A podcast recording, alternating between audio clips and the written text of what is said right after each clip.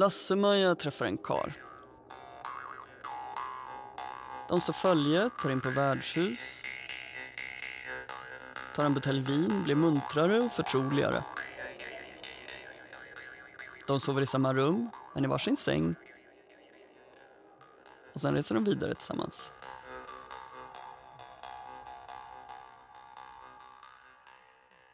Snart bestämmer de sig för att gifta sig. Mannen är egentligen för fattig, men han är ordentlig och trevlig. Lasse-Maja å sin sida har gott om pengar just nu och har därför ingenting emot att lägga ut pengar. Lasse-Maja flyttar in hos mannen och hans mor, presenteras för pigor, vänner, bekanta, köper saker till hushållet.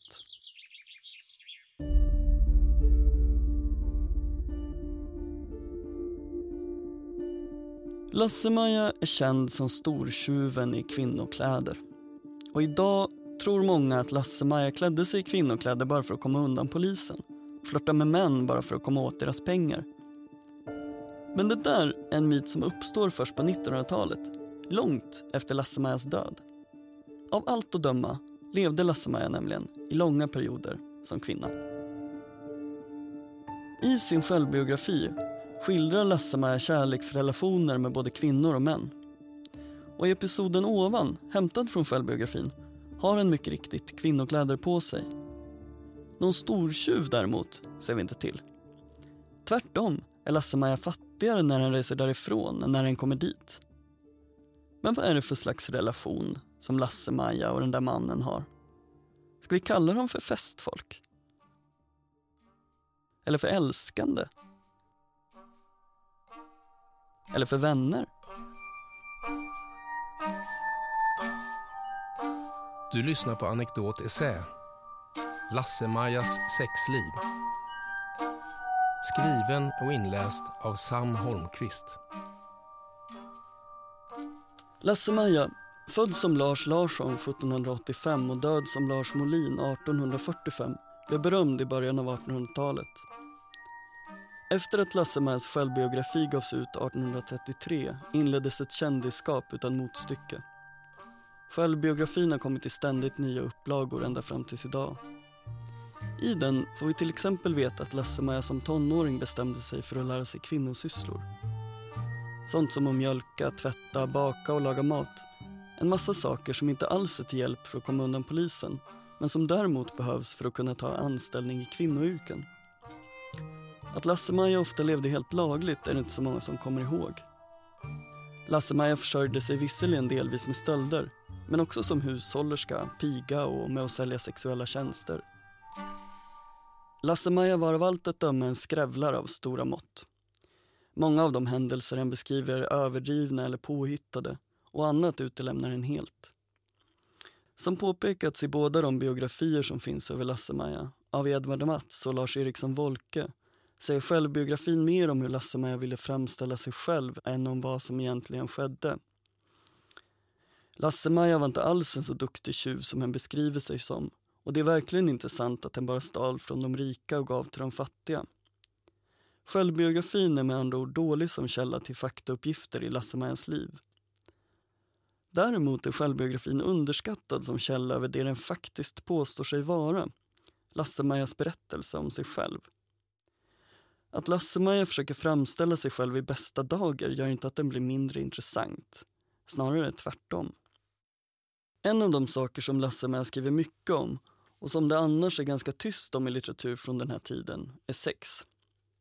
Det råkar nämligen, enligt Lasse-Maja själv alltså, vara någonting som han är riktigt, riktigt bra på. I självbiografin skärmar Lasse-Maja kläderna av snart sagt alla hen möter. Alla vill ligga med Lasse-Maja, både män och kvinnor, både när Lasse-Maja är man och när den är kvinna. Lasse-Maja ligger runt till höger och vänster med gifta och ogifta, ibland med flera på samma gång. Men Lasse-Maja skriver inte porr. I jämförelse med det mesta som skrevs vid samma tid är Lasse-Maja tydlig, men i jämförelse med idag är sexscenerna inte mycket att komma med. Självbiografin innehåller inga detaljer, inga nakna kroppar, ingenting om exakt vad det är som försiggår i sänghalmen. Den skrevs för och lästes av en bred allmänhet. Bondesverige var inte främmande för mustiga skildringar, men det fanns gränser. Ett sexuellt laddat samtal mellan Lasse-Maja och en kvinna kan till exempel låta så här. Hon förundrade sig i synnerhet över mina ofta nog invecklade fruntimmersaffärer. Jag svarade att man ej alltid fick skjuta fastän hanen var spänd och för att vara säker är det ej ovanligt att en jägare nyttjar varhake. Hustrun svarade att det fanns så ystra hästar att de ibland slet av grimskaftet och då är det ej ägarens fel om hästen gör skada. En varhake är ett slags gevärssäkring så en modern översättning av Lasse-Majas replik skulle kunna vara något i stil med att man inte alltid kan få ligga bara för att man vill och jag brukar se till att hålla kuken i styr. Och så svarar hustrun ungefär att ibland är man kåt bortom all kontroll och då kan du inte hjälpa vad din kuk gör. Ungefär så. Det här resonemanget om en otyglad sexualitet som liksom löper amok och frikänner från ansvar kan verka provocerande, men var standard i samtiden. Det här meningsutbytet utgör en flört, ett slags verbalt förspel och sen ligger de med varandra. Men när det kommer till själva sexet är självbiografin minst sagt kortfattad. Lasse-Maja säger bara att kvinnan bjuder in henne till sin sängkammare och att situationen är annorlunda mot en annan gång när den inte fick ligga. Så är det bara med det. Att Lasse-Maja blir inbjuden till den där sängkammaren och att den här situationen är annorlunda än den förra, det är så tydligt som det någonsin blir hos Lasse-Maja. Avsaknaden av detaljer ska vi nog tänka oss som en konstpaus. Självbiografin är skriven i en muntlig tradition och för det mesta lästes den antagligen högt. De flesta svenskar, även fattiga, kunde läsa vid den här tiden men inte mer än hjälpligt. Att sitta för sig själv och läsa romaner, det var något som bara gjordes i högre samhällsskikt. Lasse-Majas publik däremot levde i storhushåll. I en och samma stuga trängdes husbondfolk, pigor, drängar, ungar, en eller annan gammal släkting. Läsning var något som bara kunde ske efter en lång arbetsdags slut med gemensam ljuskälla. Så vi kan anta att de läste en anekdot i taget. Det är så självbiografin är skriven. En scen på runt en halv sida, väldigt knapp miljöteckning, snabba repliker, en dråplig upplösning. Vi kan också anta att de flesta sällskap lämnade läsningen åt den som var bäst lämpad. Dels förstås någon som kunde läsa någorlunda flytande men dels, kanske framför allt, någon som kunde berätta. Som alla ljudboksälskare vet så spelar ju berättaren roll. Den som läste kände säkert sin publik, visste vad de skulle tycka var roligt och inte. Kanske, beroende på sammanhanget och läsaren, la läsaren till och drog ifrån ibland. Det är svårt att veta. Efter varje anekdot kan vi hur som helst anta att uppläsaren gjorde en konstpaus och att den pausen fylldes i av publiken. Lyssnarna skrattar, kommenterar, fnissar tillsammans. Någon stöter en armbåge i sidan på en annan. Någon fnyser. Andra utväxlar menande ögonkast.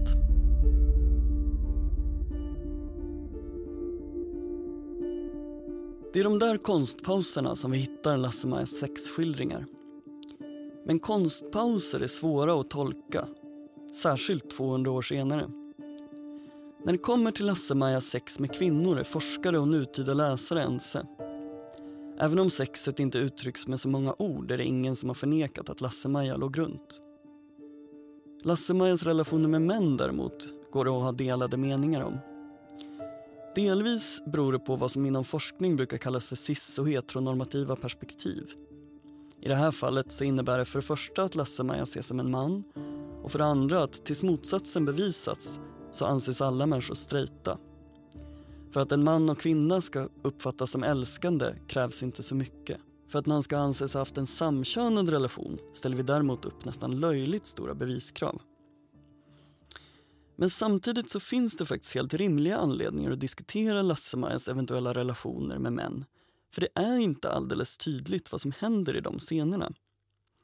För sin tid är de, precis som scenerna med kvinnor, ovanligt tydliga. Här finns kyssar, smekningar, allt möjligt som är sexuellt laddat. Men sen är det det där med konstpauserna. Sexuellt laddade scener med män uttrycks till att börja med påfallande likt de med kvinnor. Efter den där scenen med hustrun kommer till exempel en man, en av hennes vänner, på besök. Liksom hon är han helt införstådd med vem Lasse-Maja är och ser på när den klär på sig. Lasse-Maja skriver att Han hade ett synnerligt nöje av att se hur jag rakade mig och fastsnörde mina lösbröst samt friserade mitt hår med mera. Vore du icke en kar, sa han, så skulle jag giva dig en kyss. Så täck är du. Mannen uttrycker alltså sin attraktion. Jag skulle vilja kyssa dig, men med förbehåll. Om det inte vore för att du är en kar. Det verkar finnas en tydlig gräns. Se, men inte röra. Och Det finns liknande scener där gränsen är lika skarp, även om den inte går vid just fysisk kontakt. Med andra män, som uppfattar Lasse-Maja som en cis-kvinna, låter den sig både kyssas och smekas. Vid två tillfällen bor och arbetar Lasse-Maja till exempel i ett slags bordellverksamhet. Det fanns inte riktigt några regelrätta bordeller vid den här tiden, men det är ett värdshus där personalen också säljer sexuella tjänster. Lasse-Maja kallar det hela för ett så kallat kaffehus. Och ett kaffehus i sig är ingenting konstigt med, det var ett slags mellanting bara mellan det vi skulle kalla krog och café. Men Lasse-Maja låter värdinnan för det där stället förtydliga att Lasse-Maja på det här stället kan träffa kärlekens vänner muntrade av druvans saft. Så just den här krogen verkar alltså mer eller mindre inriktad på just sexhandel.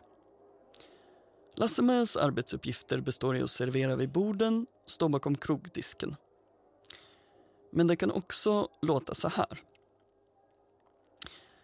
Om aftonen ankom en inspektor som bodde i samma hus. Han var i synnerhet artig mot mig och önskade mitt odelade sällskap i sitt eget rum. Värdinnan blinkade åt mig och bifalla hans önskan. Han trakterade med vin och jag satt på hans knä. Lasse-Maja säger att mannen sysselsatte sig med henne men säger ingenting om vad det där sysselsättandet består i. Det enda hen säger är att hen sitter i knät på mannen. När kvällen lider mot sitt slut säger han att min amant, det vill säga min älskare, tar henne under armen och för henne till sitt rum. Och där, säger Lasse-Maja, är mannen på det högsta intagen och kysste, klappade och smekade mig på allt upptänkligt sätt. Scenerna där män respektive kvinnor attraheras av Lasse-Maja liknar varann, men det finns en viktig skillnad. När Lasse-Maja är med kvinnor låter han läsaren själv fylla i fortsättningen. Tillsammans med män, däremot, lämnar Lasse-Maja inte fortsättningen öppen. Istället betonar han, gång efter annan, att den omöjligen kan fortsätta på det sätt som männen förväntar sig. I scenen med mannen på kaffehuset klargör Lasse-Maja redan från början att han inte kommer kunna gå hela vägen med kunden. Värdinnan på stället har tidigt låtit Lasse-Maja veta att där finns något att förtjäna men att hon senare ska laga så att någon av flickorna kan uppfylla Lasse-Majas plats. När det visar sig att de andra är upptagna blir Lasse-Maja först orolig men lugnas av värdinnan. Hon ska själv hjälpa Lasse-Maja ur klämman när det är dags att ligga med kunden. Lasse-Maja skriver. Då jag kom ut var värdinnan till reds att uppfylla sitt löfte emedan mitt biträde var alldeles odugligt. Mitt kvarter togs istället till fruns säng där jag sov ända till morgonen då hon inkom och visade mig tvenne tre riksdaler bankosedlar vilka inspektorn givit henne. Hon var verkligen så artig att vilja dela med mig. Härtill nekade jag, emedan den som gjort gagnet också borde hava betalningen. När det kommer till slutförandet av affären kan Lasse-Maja själv alltså inte hjälpa till. Hens biträde är alldeles odugligt. Och det är den som har gjort gagnet, det vill säga genomfört samlaget, som är den som ska ha betalt. Lasse-Maja vill inte ta emot några pengar. Även här kan vi tänka oss att den muntliga berättaren gör en konstpaus. Men det är inte så enkelt att veta vad den samtida publiken läste in i den. För vad betyder det att vara alldeles oduglig till fortsättningen på kyssar, klappar och smekningar? Just den här sortens uttalanden gör Lasse-Maja nämligen hela tiden tillsammans med män. En annan sexköpare kysser Lasse-Maja och begär att han ska dela hans säng. Men då låtsas han sl råka släcka ljuset. Full som mannen är somnar han. När en fästman köper en örhängen heter det att han uppoffrar sina skänker åt ett onyttigt föremål. En annan friare försörjer Lasse-Maja utan att hans hjärta fick någon lindring och ytterligare en fästman tillönskas en annorlunda beskaffad flicka. Lasse-Maja har mängder av tillbedjare men säger att han avviste alla med en skämtsam anständighet. Ofta har de där uttalandena tolkats som att Lasse-Maja inte ligger med männen. Punkt slut. Men det är att göra det väl enkelt för sig. Vad Lasse-Maja verkligen gjorde kan vi inte veta. Men vi kan försöka förstå vad hen försökte säga. Och vad hen samtida hörde. Hur kan vi tolka Lasse-Majas uttalanden om att hen är oduglig till att ligga med män? Det går att tänka sig tre olika teorier. Att sexet är osexigt, att sexet är oacceptabelt eller att sexet är otänkbart. Så om vi tar den första teorin, sexet är osexigt. Den här tolkningen skulle innebära att Lasse-Maja helt enkelt var ointresserad av att ligga med män. Problemet med den teorin är bara att Lasse-Maja hade så himla många kärleksrelationer med karar. Han har flera fästmän, ännu fler tillbedjare, för att inte tala om sexkunder. Scenerna kanske slutar med att Lasse-Maja kallar sig själv för oduglig. Men innan dess verkar han helt och hållet duglig till hångel. Och om någon undrar om inte Lasse-Maja bara hånglar med karar för att kunna sno dem på pengar så är svaret nej. Som i scenen jag börjar med, en av de perioder då Lasse-Maja lever som fästmö. Det verkar ha varit en trevlig tid. Lasse-Maja har det gott ställt, känner sig trygg. Ända tills han ligger bakfull och drar sig i sängen en dag. Då råkar Lasse-Maja sparka av sig täcket så att hennes blivande svärmor ser någonting ovanligt hos en som ej passar en fästmö.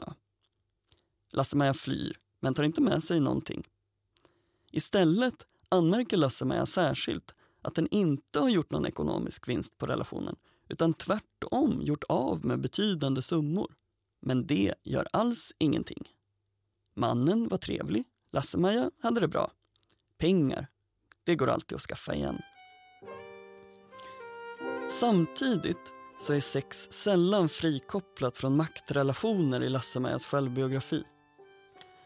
Det är ett betalningsmedel för kontanter, för husrum, för beskydd. Och det gäller både relationerna med män och med kvinnor. Den kvinnan som Lasse-Maja inte vill ligga med, hon svarar med att hämta länsman. En piga som Lasse-Maja behöver övertala om tystnad begär genast att få känna på ens lösbröst.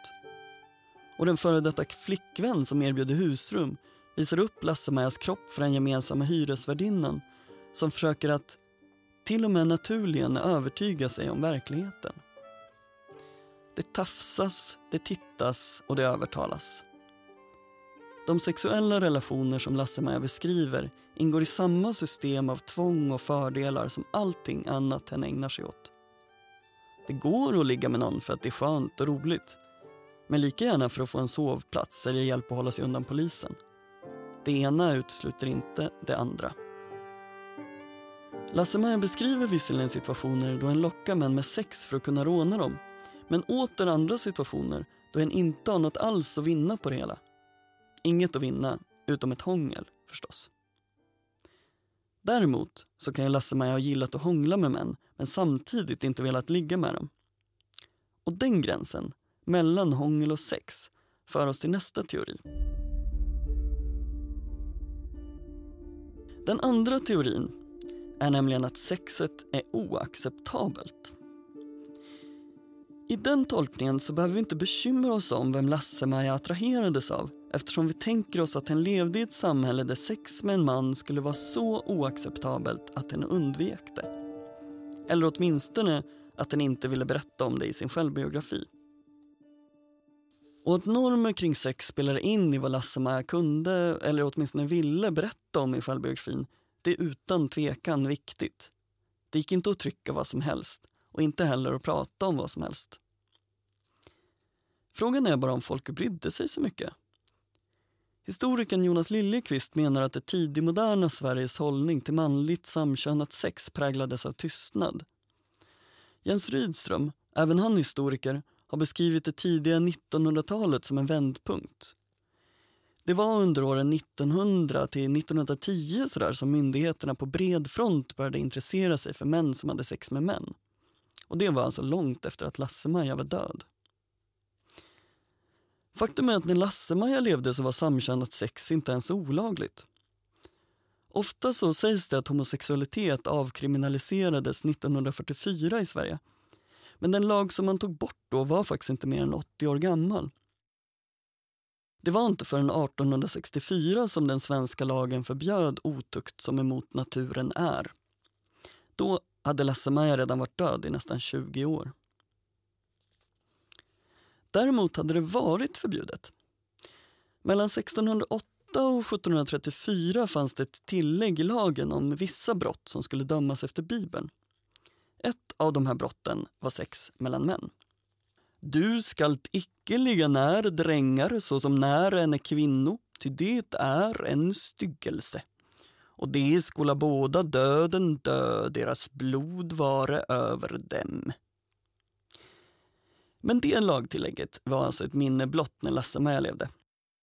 År 1734, drygt 50 år innan Lasse-Maja föddes, infördes nämligen en helt ny lag för hela riket. När den skulle skrivas så diskuterade man de sodomitiska synderna. Och det här begreppet sodomi var brett och kunde innefatta alla möjliga sexuella praktiker som man ansåg var fel. Egentligen allt sex som inte syftade till att det skulle födas barn inom ett äktenskap. I de här diskussionerna när lagen skulle skrivas så nämndes bland annat sex mellan män som en av de här sodomitiska synderna. Men det kom aldrig att tas med i lagen. Den enda sodomitiska synden som finns med i 1734 års lag är tidelag, det vill säga sex med djur. Att djur våldtogs var nämligen ett problem i Sverige. Det var alla överens om. Lagstiftarna tyckte att brottet var så allvarligt att det skulle finnas med i lagen och folket verkar ha tyckt att det var tillräckligt allvarligt för att de skulle ange varandra. Under 16 och 1700-talen avrättades över 600 svenskar för att ha våldtagit djur. Och det var ändå på en tid när det bodde färre än två miljoner människor i det här landet. Även efter att myndigheterna hade börjat intressera sig för samkönat sex, där runt sekelskiftet 1900, så var det fortfarande betydligt vanligare att människor åtalades för tidelag. Över 70 procent av fallen med otukt mot naturen efter 1864 års lagstiftning, över 70 procent av de fallen gällde sex med djur, har Jens Rydström påpekat. Sex mellan män däremot, det verkar svenskarna inte ha bekymrat sig så mycket om. I 1734 års lag nämns det inte alls. Det betyder inte att överheten gillar det förstås, men de tyckte inte att det skulle finnas ett förbud mot det i lagen. Skulle sånt förekomma så kunde det straffas ändå, tyckte lagstiftarna, genom det där tidelagsförbudet. Men i praktiken så skedde det väldigt sällan. Faktiskt så sällan att det är svårt att tänka sig att vanliga människor alls visste att det som vi skulle kalla för samkönat sex var straffbart. Men exakt vad det betydde att lagen på Lasse-Majas tid inte förbjöd samkönat sex, det har diskuterats. Enligt Jonas Liljeqvist berodde det på att överheten ville lägga locket på. Bäst att inte säga något, så får ingen några idéer. Historikern Eva Österberg har istället föreslagit att det fanns en ganska pragmatisk syn på det hela. Om sodomin inte kunde resultera i barn så var det ingen som brydde sig särskilt mycket. Och att cismen inte kunde bli med barn, det var känt. Beblandningar mellan djur och människa däremot, det ansågs kunna resultera i avkomma. Därav oron för tidelag. Men att lagstiftarna var åtminstone lite bekymrade för att män skulle ligga med män eftersom frågan alls var uppe för diskussion i de där lagarbetena 1734 det behöver ju inte betyda att folk i allmänhet brydde sig. Det skulle i sådana fall stämma in med hångelscenerna i Lasse-Majas självbiografi. För om det är tabu att ligga med en man, sätter du dig i hans knä och hånglar då? Den frågan leder till nästa tolkningsmöjlighet. Den tredje teorin. Sexet är otänkbart. Kanske kunde Lasse-Maja prata frispråket om sina hångel eftersom ingen ens kunde föreställa sig en fortsättning. En möjlig tolkning av Lasse-Majas beskrivning av sig själv som oduglig är att fortsättningen helt enkelt var otänkbar. Inte otänkbar som att det skulle vara tabubelagt eller skamligt eller något som ingen pratade öppet om. Utan otänkbar som är otänkbar. Går inte att tänka sig. Finns inte, har aldrig funnits, kommer aldrig finnas. Kanske var sex mellan två personer med penis ett så konstigt fenomen att det helt enkelt inte gick att föreställa sig. Det kanske låter som en löjlig fråga men den är faktiskt inte så konstig som den verkar. Däremot måste vi nog bena upp den här teorin i två. Den första delen det är möjligheten att Lasse-Maja inte kunde tänka sig hur två personer med penis skulle kunna tillfredsställa varandra sexuellt. Att den var så helt och hållet intresserad av enbart kvinnor att den inte kunde föreställa sig vad en sexuell handling med en man ens skulle kunna vara och aldrig hade träffat någon annan som heller kunde föreställa sig det. Och det är såklart möjligt att Lasse-Majas hångelstunder var helt asexuella och att varken hen själv eller någon av hennes kamrater någonsin hade slagits av tanken på att de skulle kunna röra vid varandra. Kanske hade de väldigt dålig fantasi. Mer trolig är möjligheten att Lasse-Maja definierade sex på ett annat sätt än vad vi gör idag. För vad är sex egentligen? Det blir lite övertydligt nu, men det går faktiskt inte att undvika. För var går gränsen mellan sex och hångel? Grovhångel? Nakenhet? Petting? Penetration? Och i så fall penetration av vilken kroppsdel? Det är kanske inte så konstigt om vi inte vet exakt vad Lasse-Maja menade för 200 år sedan. Särskilt inte med tanke på att allt sex i självbiografin markeras med de där tystnaderna och konstpauserna. Lasse-Maja räknade med att läsaren skulle fatta vad som händer när den går och lägger sig tillsammans med en kvinna. Och det gör vi också 200 år senare eftersom de situationerna stämmer överens med våra nutida föreställningar om vad folk förr i tiden ägnade sig åt. Men faktiskt så vet vi förbluffande lite om hur fattiga svenskar såg på sex när Lasse-Maja levde. Vi vet inte hur folk brukade ligga med varandra, vad de tänkte på när de gjorde det eller vad de räknade som sexuella handlingar. Tänk om lasse helt enkelt definierade sex som en penis i en vagina. Det vore inte alldeles omöjligt. Det finns faktiskt de som definierar det så idag också. Och en möjlig tolkning av Lasse beskrivning av sig själv som oduglig vad gäller sex med män är att den definierade sex som någonting som sker i en situation där det finns både en penis och en vagina. Vad den underförstådda fortsättningen på att kyssas och smekas är verkar ju för Lasse-Majas del bero på om det finns en vagina med i spelet. Om hånglet sker mellan två personer med penis så är den feminina parten, Lasse-Maja alltså, oduglig till fortsättningen eftersom fortsättningen kräver en vagina. Det som två personer med penis ägnar sig åt är med den definitionen av sex helt enkelt inte sex. Och i så fall kan Lasse-Maja ha ägnat sig åt precis vad som helst tillsammans med män utan att de låg med varandra. Den teorin skulle också kunna användas för att förklara varför ingen har reagerat på det lesbiska begäret i Lasse-Majas självbiografi. Om sex mellan män var osynligt i Lasse-Majas Sverige så var sex mellan kvinnor nämligen ännu osynligare. Här har vi att göra med dels en penetrationsnorm som har osynliggjort sexuella relationer mellan kvinnor överlag, det vill säga utan penis, inget sex. Och dels har vi att göra med en cisnorm den där som har gjort att Lasse-Maja har tolkats som bara en man. Men det finns gott om scener i självbiografin som vi kan tolka som lesbiska. Vi har till exempel baronessan som smeker Lasse-Majas kind, ser en rodna och retfullt frågar om mamsell är sminkad. Vilken vacker hy mamsell har, fortsätter hon. Kanske skulle mamsell vilja kvarstanna här? Eller kvinnan som vill dela säng med Lasse-Maja när hennes make är bortrest börjar kalla henne för sin kära svägerska, omfamnar henne och vill att de ska ligga kvar i sängen tillsammans om morgnarna. Förutom dem finns ett otal kvinnor som attraheras av Lasse-Majas transfemininitet. De attraheras av själva det explicita görandet av kvinnligheten, av lösbrösten, av Lassemans kropp under klänningen. Ett sånt begär kan läsas in i väldigt många av Lassemans kärleksaffärer med kvinnor. Mer eller mindre tydligt. Men ändå. Det som talar emot teorin om att sexet skulle vara otänkbart är att LasseMaja så tydligt betonar sin oduglighet.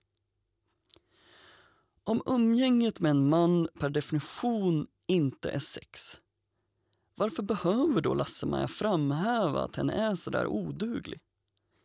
Varför innehåller precis alla sexuellt laddade situationer med män den där försäkringen om att mannen snuvas på konfekten? Om det inte finns något sex mellan män skulle väl Lasse-Maja kunna nöja sig med bara en konstpaus utan den där försäkringen om att de inte har sex. Dessutom verkar det inte alls ha varit fullkomligt otänkbart att två personer med penis kunde ligga med varandra. Det skvallrades nämligen om sex mellan män då och då. Inte ofta visserligen, men det hände. Ett exempel är Gustav III, han som gick till historien som både teater och homokung, numera traditionsenligt hyllad med en blomsterkrans vid Stockholms Prideparad varje år. Hans svägerska, Hedvig Elisabeth Charlotta, hon beklagade sig i sin dagbok över det svenska hovets sexuella lössläppthet och så kallade italienska seder, det vill säga samkönat sex. Gustav III var dessutom tillräckligt impopulär för att bli hånad i olika små dikter och sånger. Litteraturhistorikern Annie Mattsson har undersökt dem och bland annat tittat på just anklagelser om sodomi. Det finns sådana, till exempel i listor med hemska saker som kungen ska ha ägnat sig åt och som konkreta utpekanden av vissa män som hans mätresser, alltså älskarinnor. Av de anklagelserna kan vi dra två slutsatser. För det första att samlag mellan män inte var otänkbart. Det fanns personer som föreställde sig att Gustav III ägnade sig åt sånt och att den anklagelsen skulle vara begriplig för andra. För det andra så var det inte det värsta som kungen gjorde. Enligt Gustav IIIs fiender så var hans synder många. Att ligga med män, det var bara en av dem. Och inte den mest upprörande. Det verkar inte heller som om Lasse-Maja någonsin anklagades för att ha haft sex med män under sin livstid. Senare, under 1900-talet, då blir det någonting som folk förhåller sig till. Antingen genom att förneka det eller bejaka det. När Lasse-Maja levde däremot, så var det kanske ingen som brydde sig. Det skulle dröja många år innan svenskarna började oroa sig för att samtyckande vuxna män skulle ligga med varandra. Vi vet inte riktigt vad Lasse-Maja menade när han berättade att han blev kysst, klappad och smekt på allt upptänkligt sätt men däremot var oduglig till fortsättningen. Kanske menade hen att hen och männen hade något som vi skulle kalla för ett samlag men som Lasse-Maja inte tyckte var ett samlag. Eller att de inte hade vad vare sig vi eller Lasse-Maja skulle kalla för ett samlag utan nöjde sig med en sexuell praktik som inte innefattade könsorgan. Sånt som kyssar, smekningar, kanske vad vi skulle kalla för ett hångel.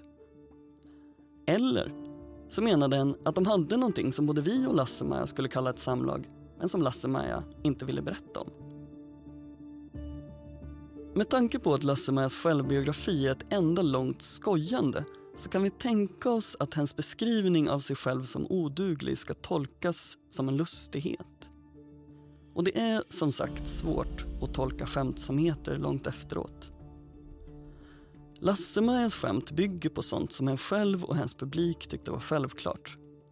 Det var nog aldrig någon som tänkte sig att självbiografin skulle ges ut så lång tid efteråt. Ingen funderade på vilka skämt som folk skulle uppfatta 200 år senare. För vad betyder det fnitter som fyller en konstpaus? Och fnissar alla i publiken åt samma saker? Kanske är det ett och annat menande ögonkast som handlar om vad några, eller till och med alla, vet försiggår i drängkammaren. Eller vad alla vet om Lasse-Maja.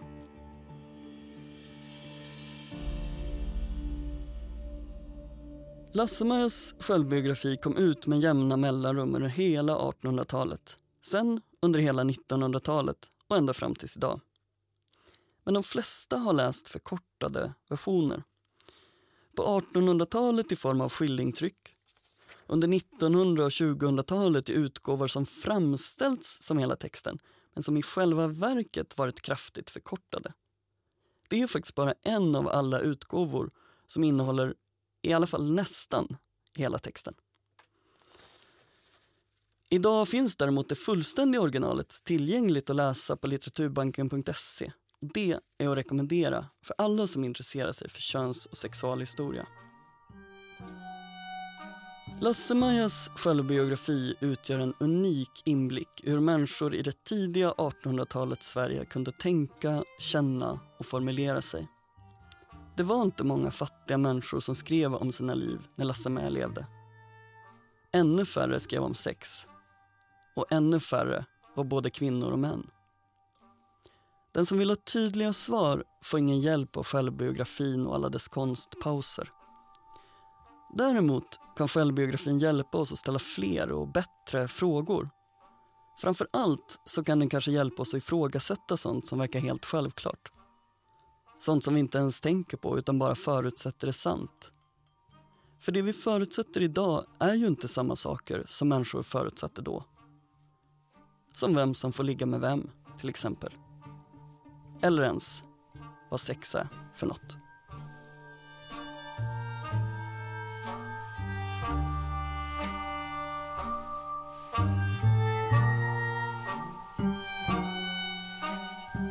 Du har lyssnat på Anekdot Essä, en del av bildningsmagasinet Anekdot.